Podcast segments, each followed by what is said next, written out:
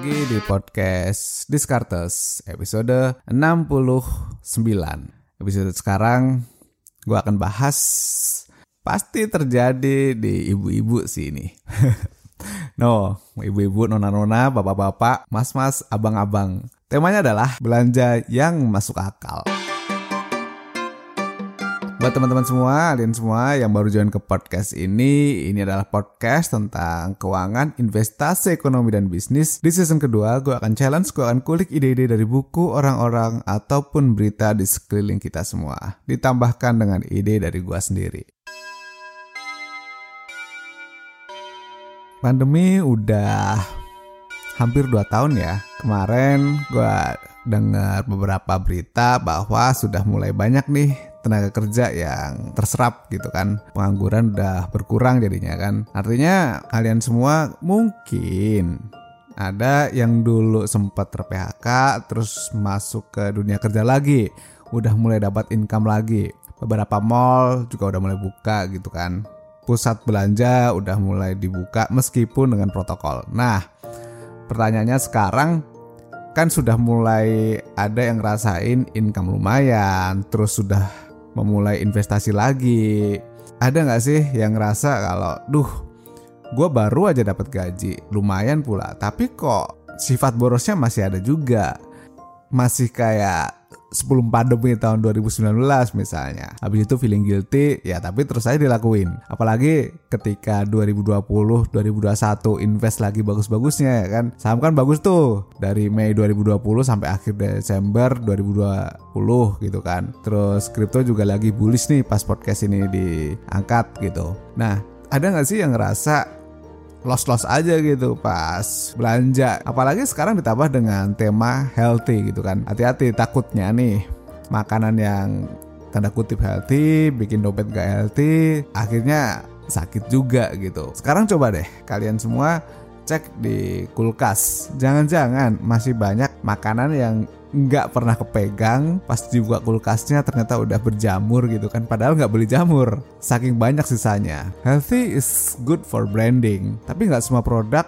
masuk kategori healthy beneran healthy gitu. Mesti dilihat mesti ditelisik lebih dalam gitu sih kalau kita mau beli makanan yang benar-benar healthy gimana cara dia menyediakan siapa yang jual dan macam-macam dan budgetnya juga harus ada gitu. Tapi di sini gue mau memposisikan bahwa gue suka jelas suka lah produk healthy jelas suka. Siapa sih yang nggak suka? Poinnya adalah kita juga harus menyediakan dana yang pas gitu, bukan jor-joran, tapi ya sewajarnya. Terutama buat kalian yang masih baru nih, masih baru dapat uang gitu kan. Terus masih dalam tahap mengumpulkan juga, tapi konteksnya bukan ngebahas healthy atau nggak healthy karena gue juga ngoleksi yang healthy-healthy gitu juga. Meskipun ada yang unhealthy juga karena makanan yang gak healthy kadang-kadang enak juga. Tapi ini nggak akan ngomongin makanan guys. Poinnya adalah gimana kita bisa mulai hemat tapi secara logik masuk akal dan tidak menyiksa diri sendiri. Yang pertama,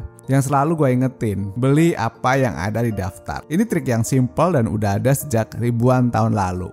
Coba lu ke dapur deh. Bumbu apa sih yang kurang? Atau lu kalau lemari baju, baju apa yang pengen dibeli? Sepatu apa yang belum dimiliki? Terus ke toilet deh. Atau lu biasa nyimpen skincare di mana sih? skincare apa yang dibeli? Meja rias ya? Apa yang mau dibeli gitu kan? Make up apa yang kurang? Abis itu bikin tuh daftarnya. Tulis. Bukan kebayang-bayang tapi tulis gitu kan. Kalau misalnya nggak punya daftar nggak punya yang ditulis berarti gua anggap ya semua udah serba full, sudah serba lengkap gitu. At that point lu ke mall beli barang tanpa tulisan, ya dasarnya apa? Apakah karena ingin, apa karena impulsif, atau karena butuh atau karena apa? Karena ingin boleh karena butuh boleh tapi kalau karena impulsif gara-gara ngeliat nah itu hati-hati. Jadi jangan ke mall untuk niatan belanja yang tidak memiliki daftar. I mean like you ke mall gitu kan, terus nggak ada daftar sama sekali. Ya kalau niatnya jalan-jalan ya nggak masalah sih. Terus belanja kecil-kecil ya monggo aja. Tapi kalau belanjanya langsung gede banyak, padahal nggak ada di dalam daftar, terus pulang-pulang jadi menyesal, kan itu kayak dulu udah sempat kita bahas gitu loh. Masa terulang lagi? Yang kedua adalah nggak perlu ngejar promo. Misalnya gini, ada sayuran yang ditawarkan kalau kamu beli 100 ikat itu cuma ngebayar 50 ikat. Misalnya kayak gitu. Pertanyaannya adalah apakah kamu akan masak semuanya nanti? Ingat, kalau mau kamu jual lagi, niatnya yaudah ntar gue jual lagi as bisnis gitu. Apakah sudah betul harganya? Jangan-jangan harganya kalau di split juga sama dengan harga kayak di luar sana gitu. Beli dengan basic promo boleh. Syaratnya yang pertama tadi, oh barangnya ini ada dalam daftar gitu. Jadi beli sesuai akal sehat saja. Kalau pengen beli, kalau butuh beli, bukan karena promonya. Yang ketiga nih ya, pas belanja offline, ternyata ukuran keranjang itu penting. Gini nih, artinya kalau mau belanja di supermarket, maka ukuran keranjang ini ternyata setelah diteliti ada pengaruhnya loh. Gue baca temuan menarik, ini barusan aja nih. Ada seorang konsultan marketing, namanya Andrew Lindstrom. Dia bilang bahwa pembeli yang menggunakan keranjang lebih besar itu punya chance untuk beli lebih banyak 40% daripada yang beli secara normal. Gue pikir-pikir kan, wah angkanya gede juga gitu loh. Kenapa bisa kayak gini? Ternyata ini dari penelitian dia ya. Karena ketika si chart ini si keranjang ini kelihatan kosong, orang masih mau ngisi secara impulsif tanda kutip ya. Bukan karena keinginan, bukan karena kebutuhan, tapi secara impulsif. Atau kalau chartnya kosong nih ya, alasan keduanya adalah kan jadinya lebih berat nih. Orang lebih pelan jalannya. Sehingga ngeliat sekeliling, nggak buru-buru pulang dari mall atau supermarket. Akhirnya ngisi waktu sambil ngambil barang. Nah, ini menarik ternyata kata si Andrew Lindstrom tadi. Jadi buat pengingat juga gitu kan buat kalian semua ya bawa keranjang ya nggak usah yang gede-gede amat. Yang kecil itu oke okay. kalau misalnya yang kamu tulis dalam daftar sudah mencukupi gitu kan. Yang keempat adalah urutan bayarnya ingat gak sih? Ingat kan? Pertama cash kedua debit baru kartu kredit. Kalau belum menguasai gameplaynya kartu kredit ya jangan dulu terus-terusan pakai kartu kredit. Gameplaynya pelajarin dulu. Jadi pas awal sekarang biasakan bayar itu pakai cash dulu. Terutama buat kalian yang masih fase 1 ya, masih baru dapat pekerjaan loh ya.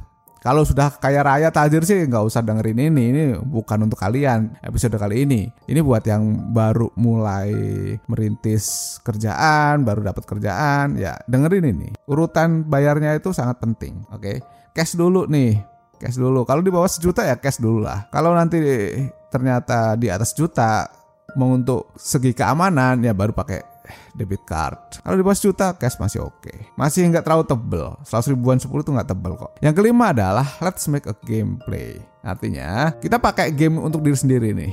Coba habis beli makanan. Kalau misalnya nih sampai terjadi kamu buang makanan, berarti ini jadi sebuah red flag ya. Kamu nggak boleh makan enak lagi selama sebulan. Kalau ada dua makanan yang terbuang, dua bulan. Jadi kayak gitu tuh. Kita lihat seberapa banyak jenis makanan yang terbuang. Goalsnya adalah zero, nggak ada makanan yang kebuang. Semua makan dikonsumsi. Ya paling kalau kulit pasti dibuang lah. Tapi kalau misalnya semua makanan buah atau daging itu udah terkonsumsi gitu loh. Ini membiasakan kalian untuk disiplin juga.